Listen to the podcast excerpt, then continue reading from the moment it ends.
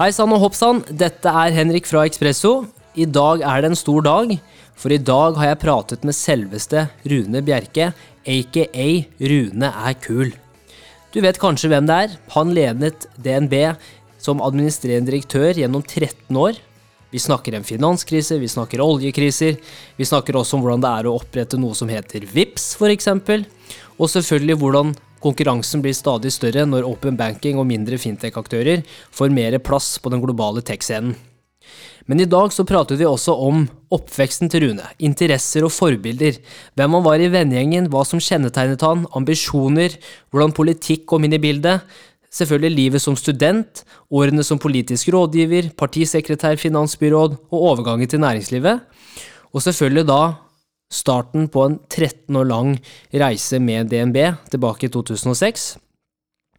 Han også, noe som også på en måte resonnerer veldig med meg i denne episoden, er også hans råd til yngre, ambisiøse mennesker, og det er å alltid følge magefølelsen, alltid være villig til å lære nye ting, ikke være redd for å skifte beite, og rett og slett skape gode inntrykk med de menneskene du møter på veien. Dette er Rune Bjerke, og vi håper at du syns Rune er kul like mye som vi syns Rune er kul.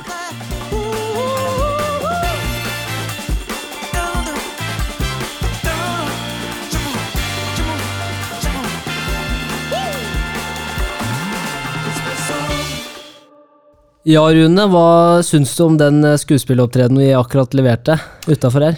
Nei, Jeg har egentlig alltid lengta etter å bli eh, personlig finansrådgiver, så det var Ja. jo egentlig lett å gå inn i den rollen. Og eh, det er bare litt synd at det er litt seint. Ja.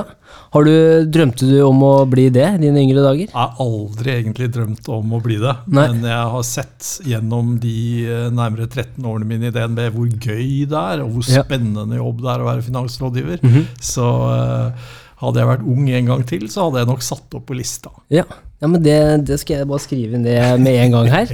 Eh, hva, med, hva med skuespill og, og sånn? Har du, har du gjort noe av det når du var yngre? Ja, jeg prøvde egentlig å få meg en rolle når jeg gikk på Årvoll fritidsklubb. De skulle ha noe, eh, noen av medlemmene som skulle være med i en sånn NRK-dramaserie.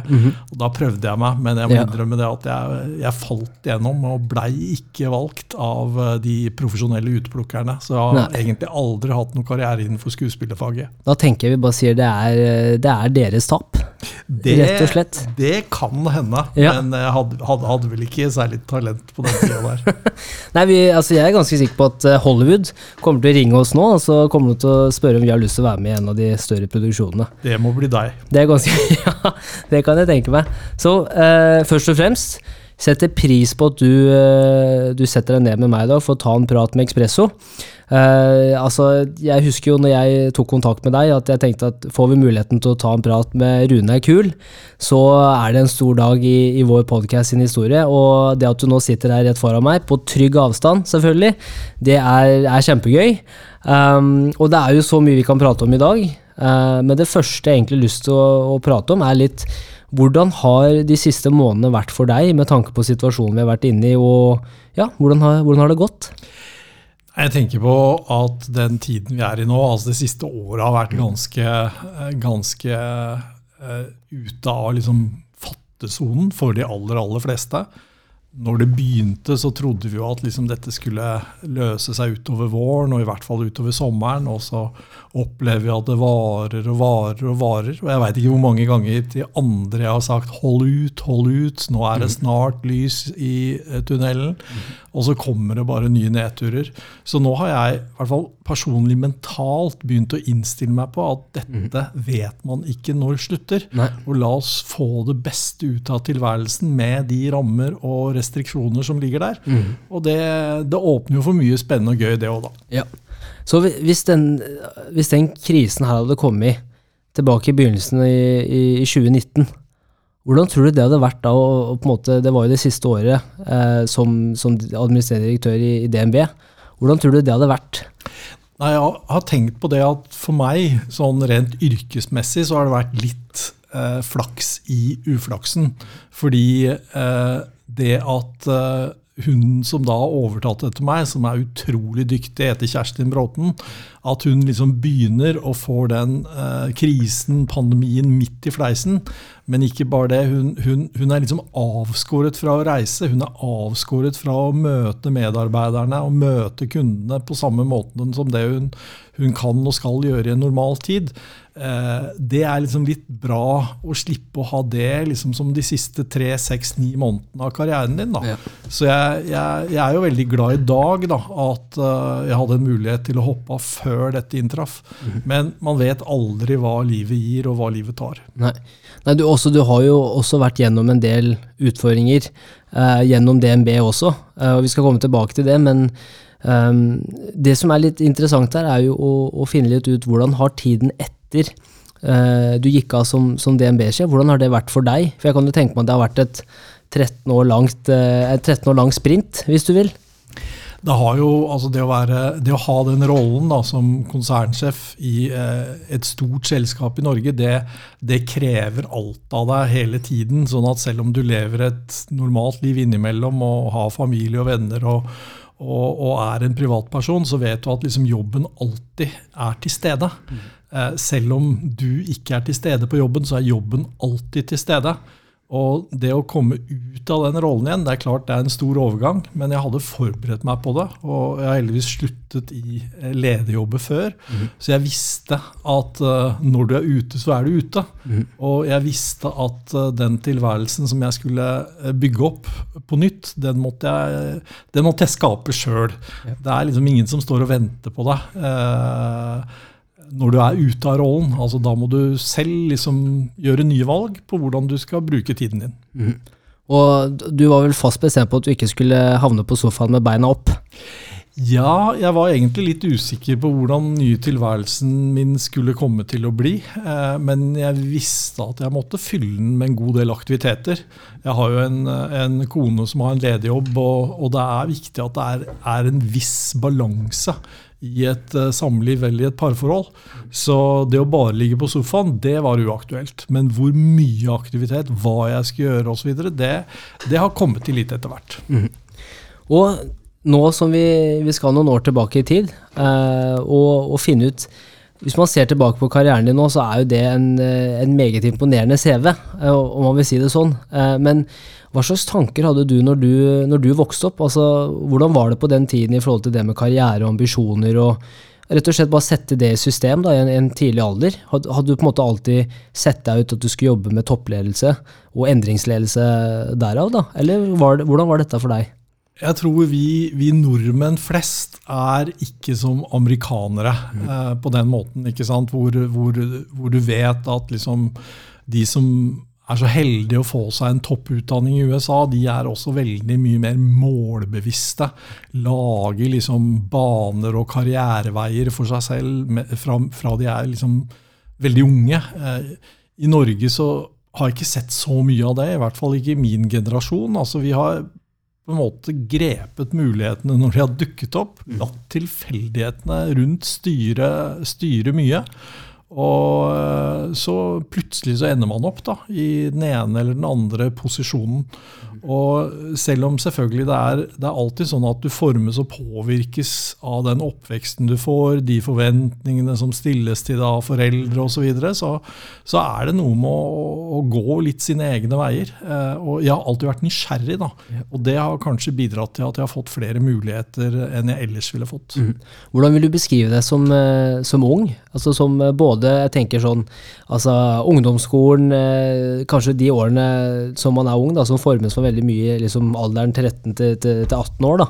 Hvordan, hva slags interesser og hva var det du var opptatt av på den tida? Jeg vil si jeg var som ungdommer flest. Mm. Jeg vokste opp på Årvoll, eh, nederst i Groruddalen. Eh, brukte Grefsenkleiva og Trollvannskleiva mye. Eh, gikk fire år i musikkorps eh, før jeg skjønte at klarinettspilling var ikke akkurat eh, greia for meg. Eh, jeg hadde mye aktivitet på fritidsklubben. Så jeg, jeg, jeg, egentlig er veldig typisk, tror jeg, for en ungdom som vokser opp eh, i en eh, sånn type bydel som jeg vokste opp. Mm. Politikk, var det noe du hadde interesse for tidlig også? Ja, du kan si at uh, særlig faren min, da, han var jo veldig politisk aktiv og engasjert.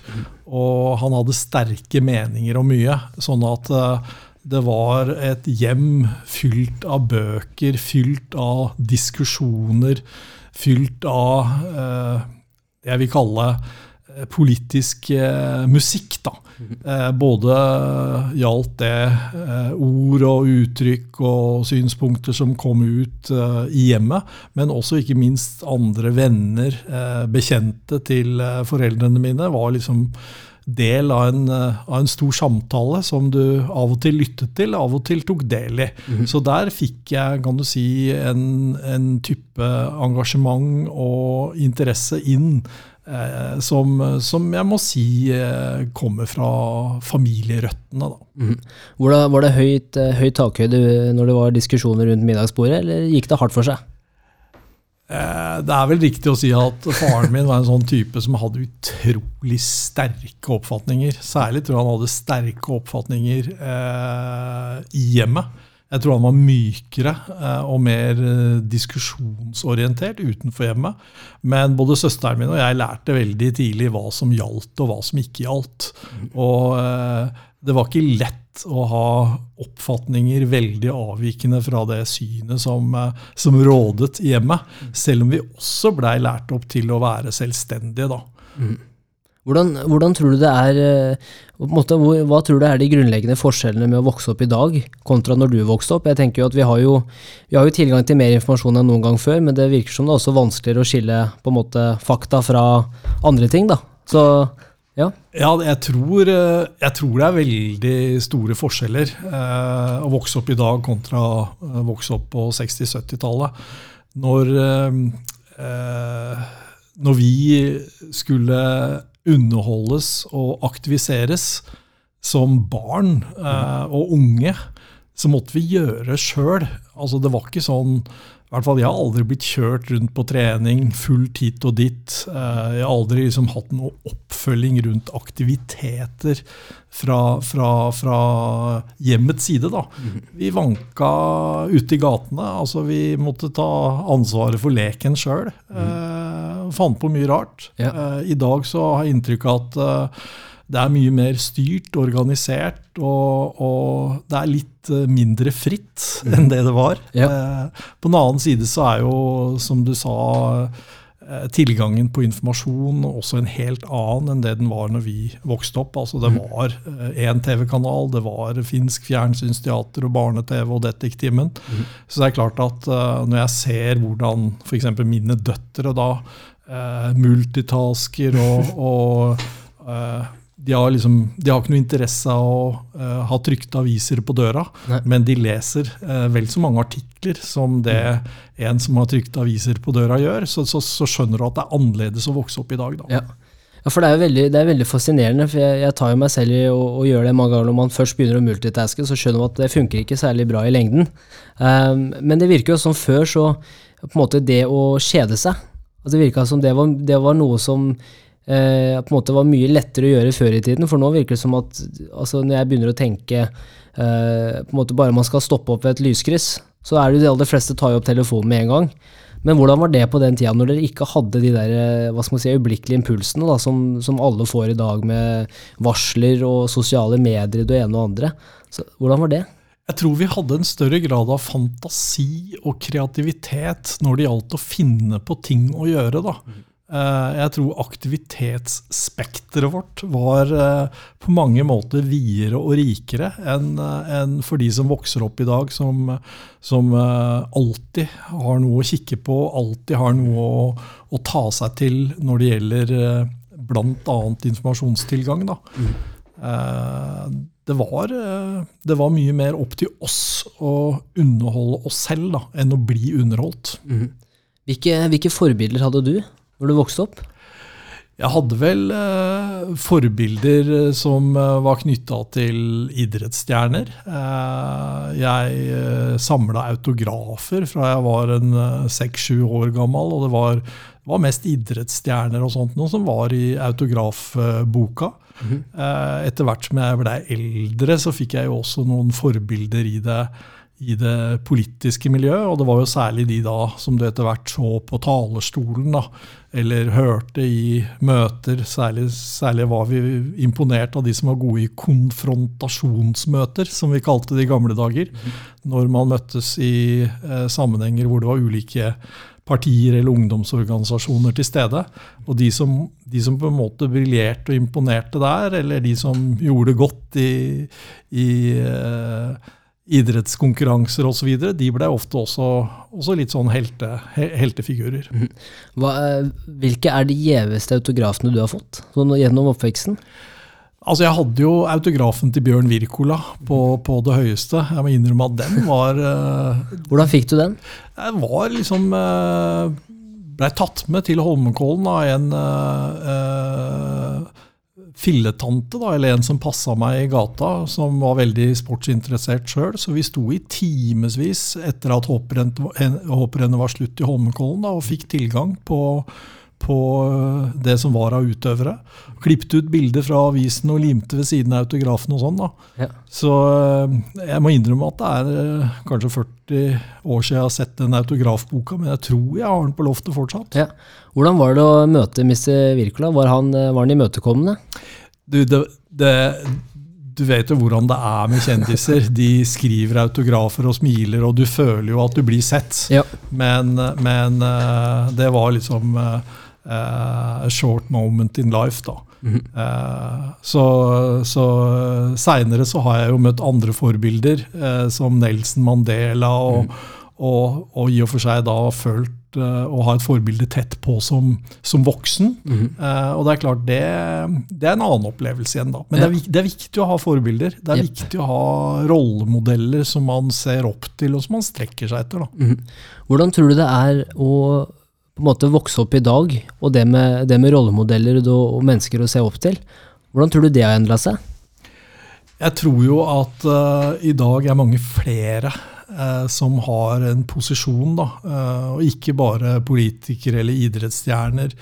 og noen få skuespillere. ikke sant? Det er, det er jo rollemodeller i ethvert reality-program. Mm. Du mhm. kan jo si dessverre, mm. men eh, det er det jo. Altså, du får jo personligheter presentert i eh, TV-kanaler eller i blogger eller i eh, Instagram-kontoer, Facebook-kontoer, you name it, hvor, hvor, hvor, hvor da eh, de figurene blir en slags rollemodell for deg i mye større grad. Så, så, man har mange flere å velge mellom i dag, tror jeg, enn, mm det, enn det, vi hadde. Ja. Vi så ikke så mange som det man gjør i dag. Nei.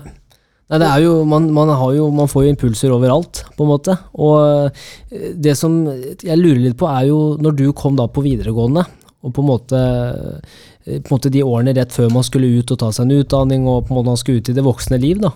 Eh, var, hva, hva, slags tanker hadde du da? Hva, hva slags interesser og, og, på en måte ting var det som drev, drev dine valg gjennom den tiden? Gjennom de, altså de to-tre årene på, på, videregående også? Jeg hadde, jeg hadde et sånn Eh, det var vel søsteren min som fikk meg til å innse at det er lurt å ha noen uh, skift. Uh, sånn at liksom når du har gått ni år uh, på én skole sammen med en, en, en skokk personer som du har blitt venner eller bekjent med, så er det lurt liksom, når du da skal ha de neste tre årene da, og prøve å finne en ny arena. Så jeg valgte faktisk en skole som var, var, litt langt unna der jeg bodde. Og jeg kjente vel uh, kun én person i, i, i, klassen eller på den skolen jeg begynte. Så jeg måtte, måtte reorientere meg. da, Begynne forfra igjen. Altså det å, det å skape nye relasjoner uh, helt fra start. Og det er klart, det, det var ikke bare enkelt, det. Det er ikke sånn da at du kommer inn i et nytt skolemiljø, og så, så er du et midtpunkt. Altså da, da, må du jobbe deg inn i, i relasjonene, og det, det tror jeg var veldig sunt. Ja. Men hvordan går man fram for å bygge gode relasjoner? Du, altså allerede da, når du flytta hjemmefra, hva, hva, lærte du i forhold til hvordan man bygger gode relasjoner og gir et godt førsteinntrykk?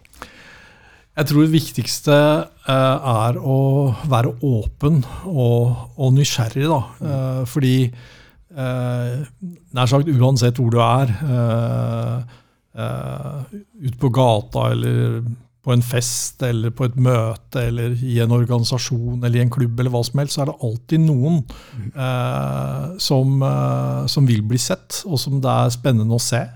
Eh, så det å liksom finne fram til personer da, hvor du utvikler, uh, utvikler bånd til, det er noe alle tror jeg kan. Eh, og det er større muligheter og lettere for de som da som har evnen til å være åpne og nysgjerrig. Da. Men, men det er klart det er mange som sliter også med det, og, og egentlig sliter med å bli sett. Sliter med å, å få oppnå da, de båndene eller relasjonene. Mm. Så du ser jo i dag, det er jo det er veldig trist å se, eh, særlig også i disse pandemitider hvor vi leser såpass mye om psykisk helse. og og se høye selvmordstall, og særlig blant unge gutter. Og. Så det er liksom mange tankevekkende tegn i tiden som, eh, som, som, gjør at man skal ikke ta lett på dette med bånd og relasjoner. Nei.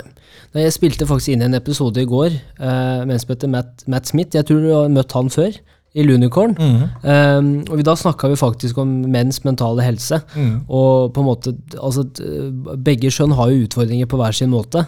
Uh, mens menn er jo i det øverste sjiktet av utfordringer når det kommer til nettopp det med mental helse og selvmord. Og hopper ut av uh, både lavere og høyere utdanning. Og, hva tror du er uh, ting som er viktig å tenke på gjennom altså De siste tolv månedene har jo rett og slett bare vært en hva skal man si, en akselerator av disse utfordringene for veldig mange. Hva, hva tror du vi kan lære av en sånn krise?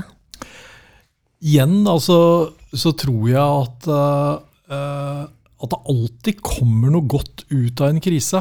Men det er også mye, utrolig mye smerte på veien. da.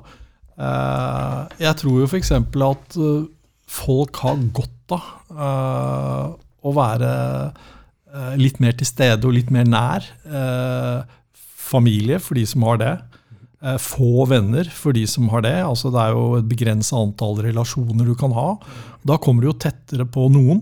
Eh, og så er det jo verdt å tenke da at de som verken har familie eller venner, de har jo dobbelt så tøft i denne tiden. da. Ja. Så, eh, så, nei, det er, det er viktig når vi nå gradvis normaliseres igjen. At uh, vi som kanskje har kommet igjennom dette lettere enn andre, da, prøver å gjøre det vi kan for å plukke opp andre som, som har hatt det tøffere i denne perioden. Mm.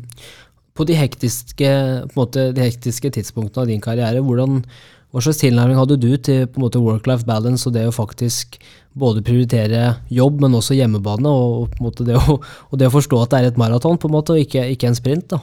Hvordan tok du vare på deg selv gjennom de hektisk, mest hektiske årene? For det første så tror jeg du må, du må, hvis du har en rolle som krever veldig mye av deg, så må du ha en evne til å koble ut.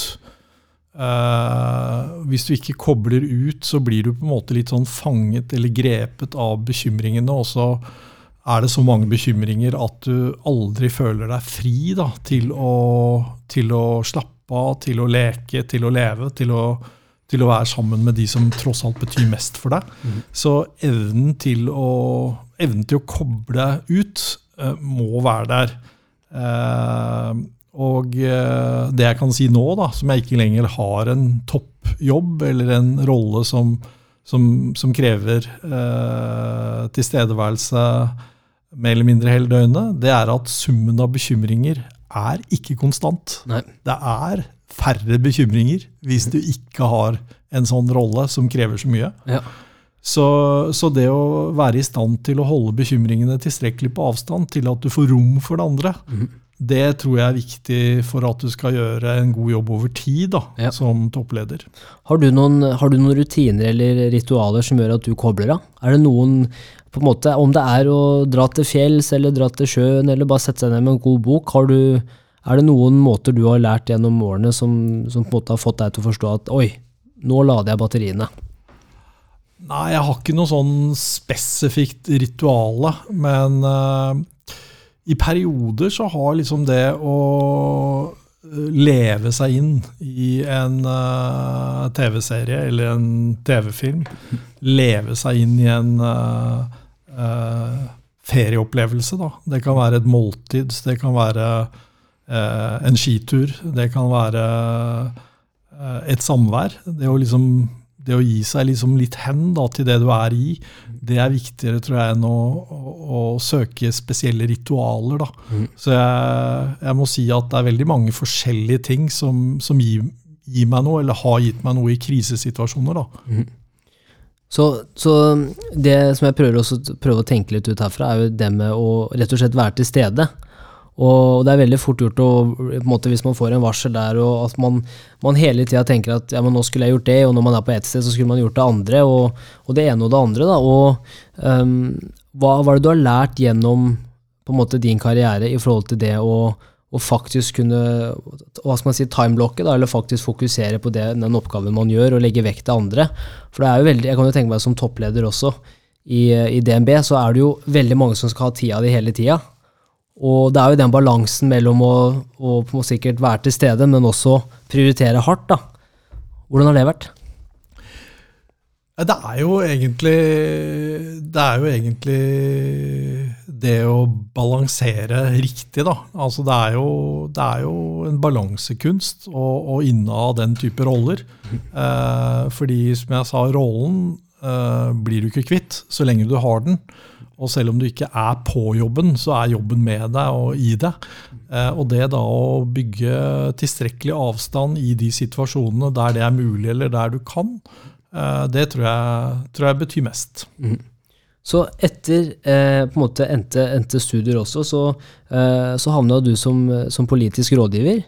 Hvordan, hvordan, var den overgangen fra studiene? Var det din første jobb etter studiene? Altså jeg var, For å være helt ærlig så var jeg egentlig aldri ordentlig student. Nei. Fordi jeg gjorde så mye annet ved siden av studiene at, at jeg, jeg, følte aldri at jeg blei en, en, en, 100% del av et studentmiljø. Mm. Og det er vel en av de tingene jeg har savnet mest. fordi jeg, jeg ser jo hvor hvor ålreit studentmiljøer kan være. Da. Altså Igjen da, så er det som å begynne på en, en ny skole. Du får en ny krets. Du, du, du, lærer sammen med noen, og du skaper deg nye relasjoner. og, og, og gjør ting sammen med de du studerer sammen med. Mm. Men jeg opplevde at, uh, at uh, det å studere for meg da, etter videregående var liksom litt sånn deltids, mm. uh, deltidsaktivitet. Ja.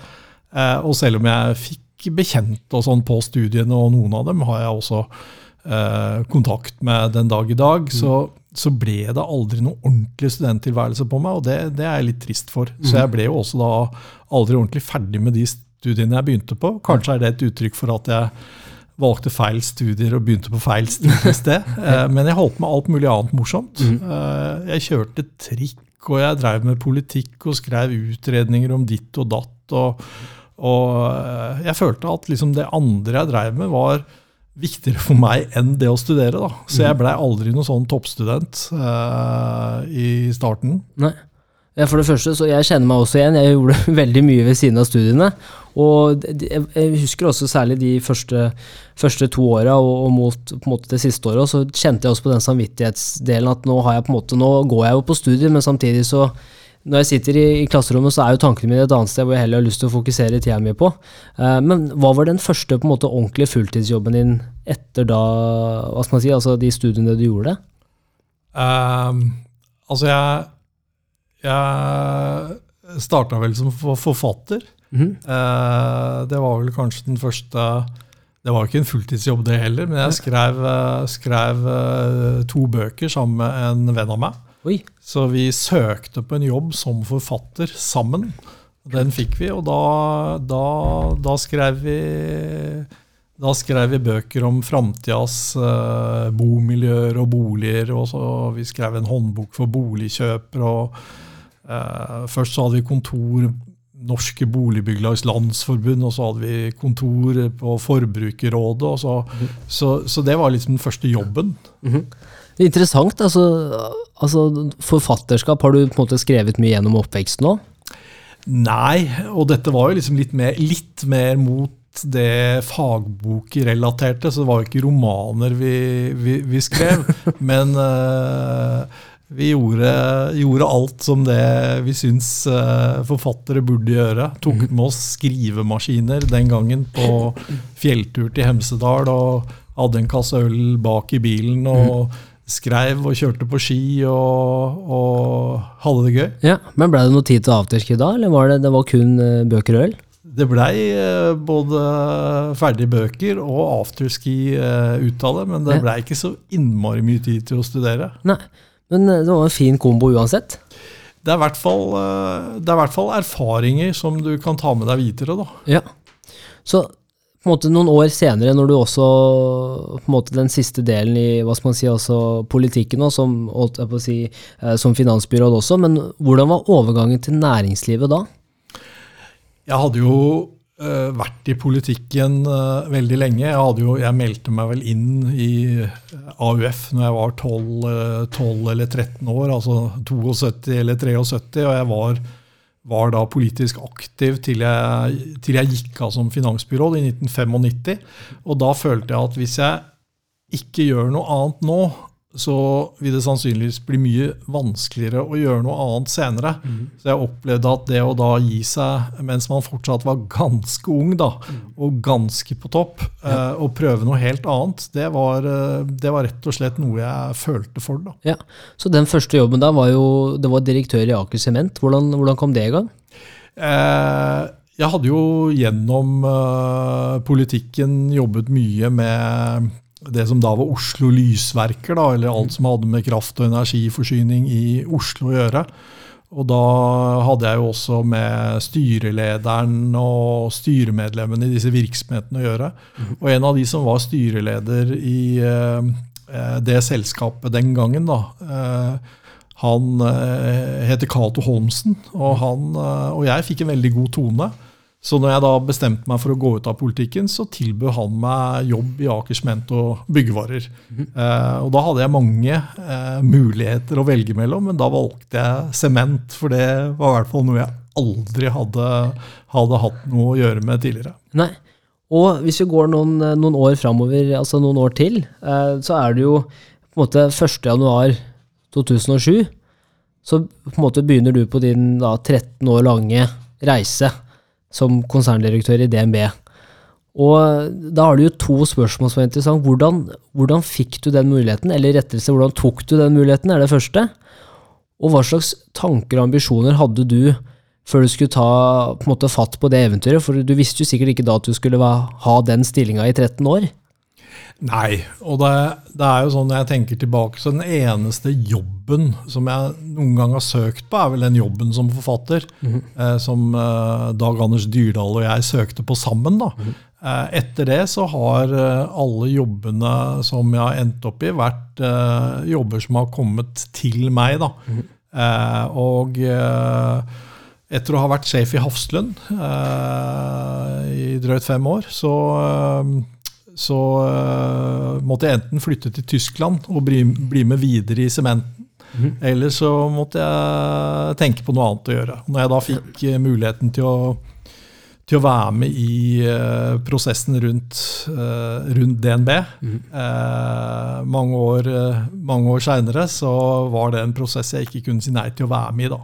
Og da da blir man intervjuet da, og blir spurt om man kunne tenke seg jobben, og så plutselig sitter man der. Hvordan vil du beskrive DNB på den tiden?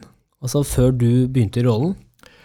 DNB var jo, eh, eller DNB Nord som det da het, det var jo en eh, institusjon som var preget av at det har vært gjennom mange fusjoner og sammenslåinger. Så det var egentlig mer, mer et finansielt holdingselskap da, enn det var én bedrift.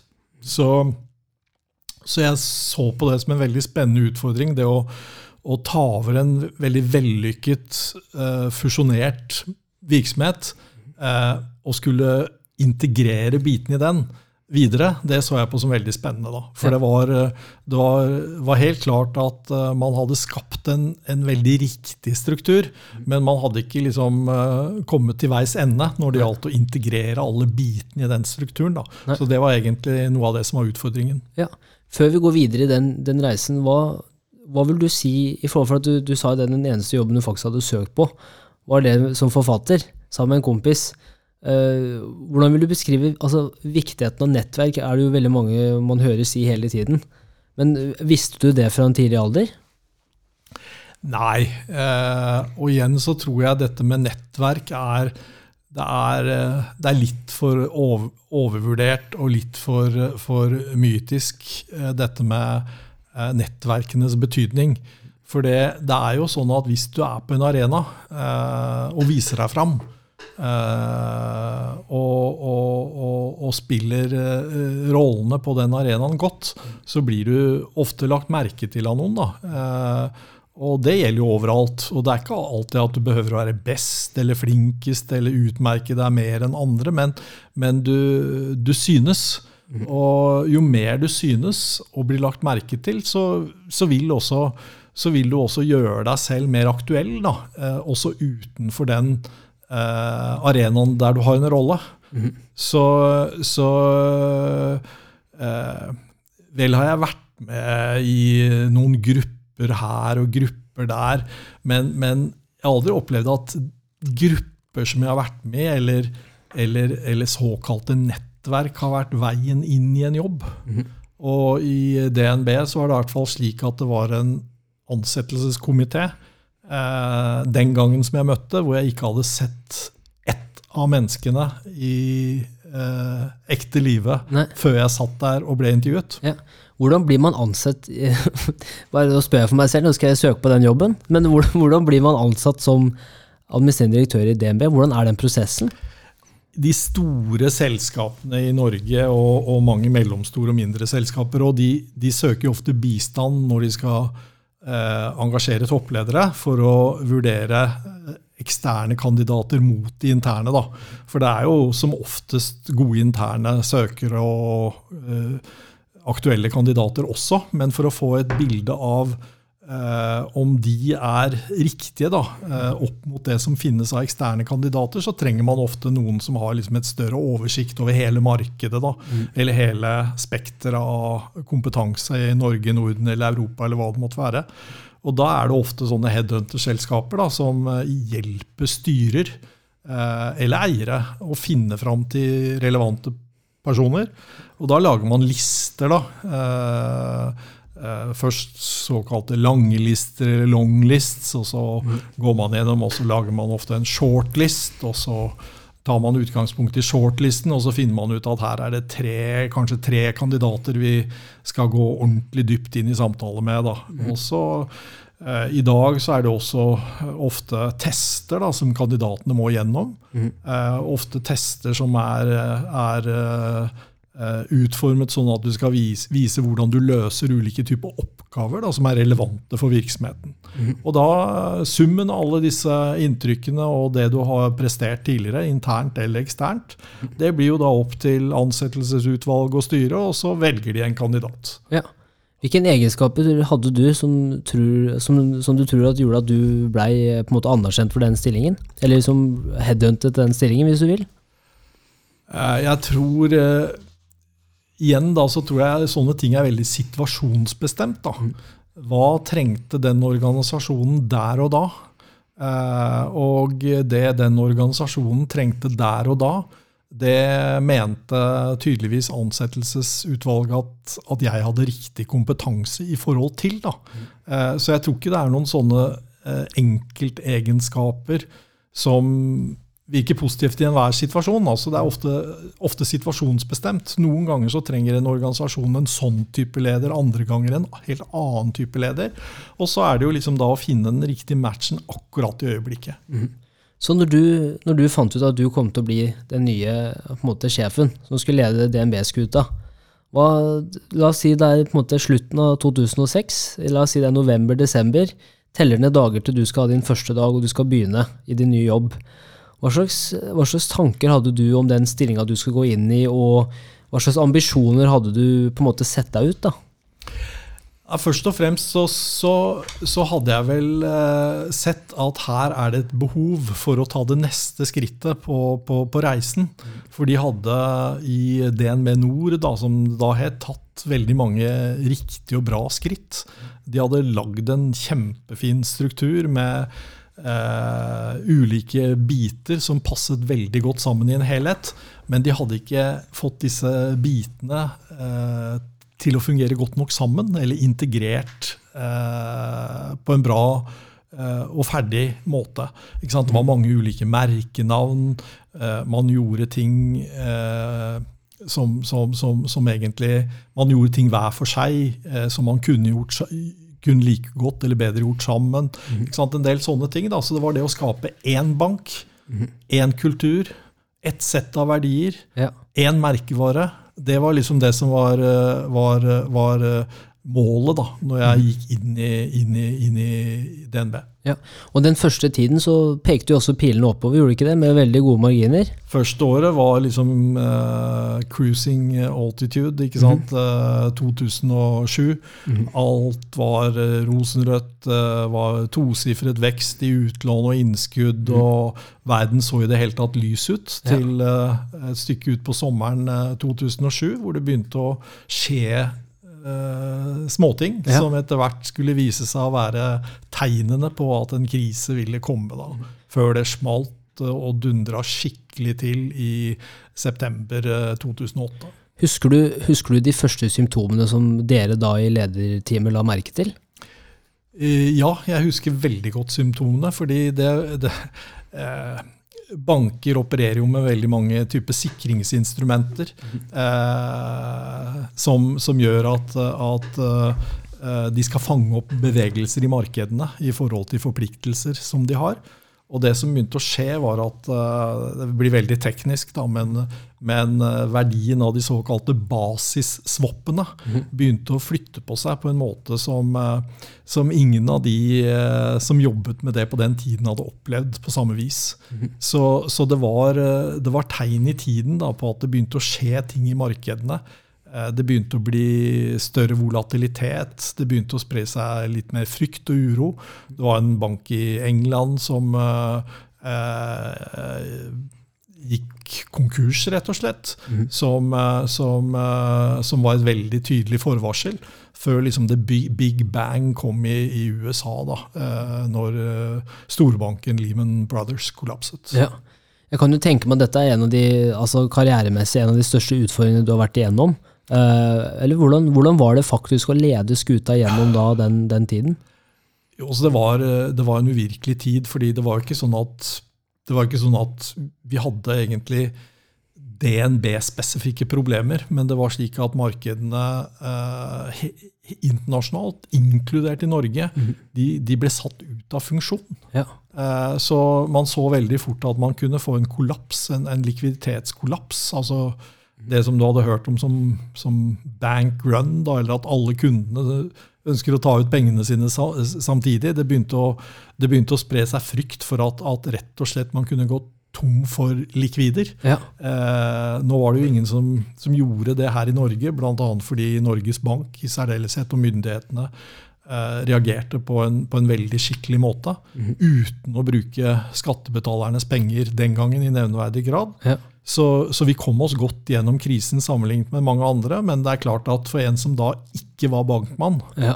eh, så, som meg, som da var leder for veldig mange ansatte i bank, så var det krevende å manøvrere. For jeg måtte jo, jeg måtte jo basere meg på andres kunnskap og erfaringer. Og ja. da gjaldt det jo liksom å trekke til seg da, eh, de med den kunnskapen og kompetansen som du følte hadde mest mest uh, å bidra med da, ja. Eh, for å komme ut av det. Det var en annen slags pandemi. da. Ja, Det kan man trygt si. Det var en bankpandemi. Mm. En likviditetspandemi. Ja, men nå, måte, når man ser tilbake på de, de 13 årene òg, og så på en måte finanskrisen, og så kom jo oljekrisen, og så har det vært utfordringene og motstanden med på en måte, Før så var det jo større banker som på en måte hadde mye av markedet og kontrollerte veldig mye.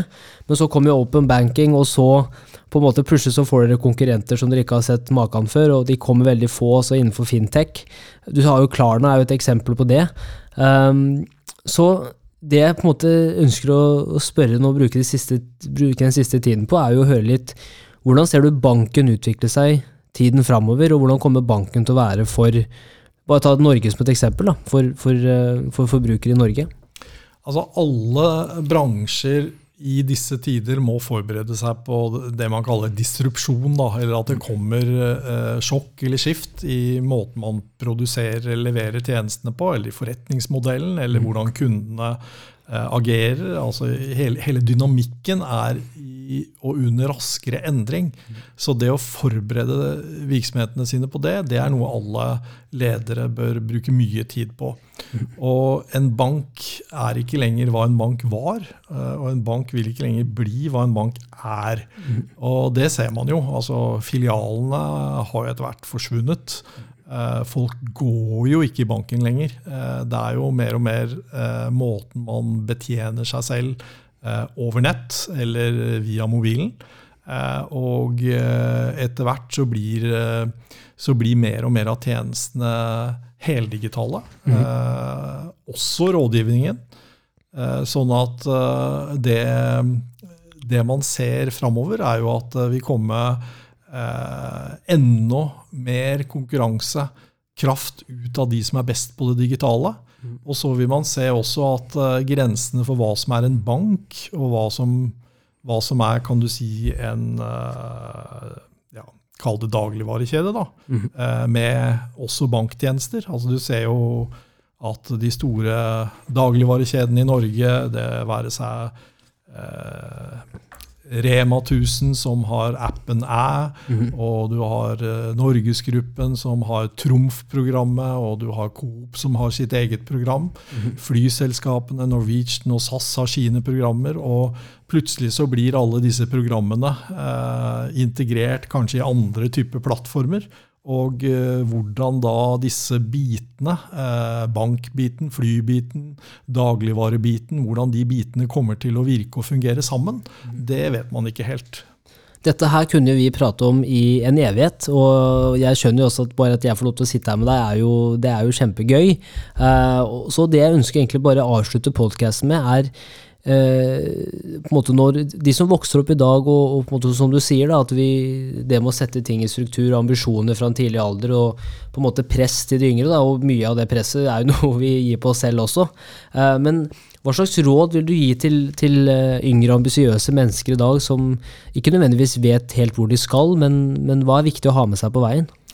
følg magefølelsen, pleier jeg alltid å si. Mm. og selv om man har foreldre som som man vet har forventninger. Eh, prøv å ikke bare oppfylle foreldres forventninger, men, men mer eh, forfølge sine egne drømmer. Da.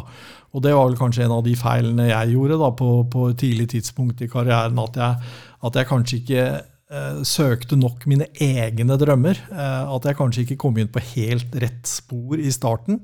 Jeg tror Det er ikke en ting jeg angrer på eh, at jeg har gjort, men jeg tror liksom særlig det da, å Særlig det da å forfølge, forfølge sitt spor. Eh, det er viktig.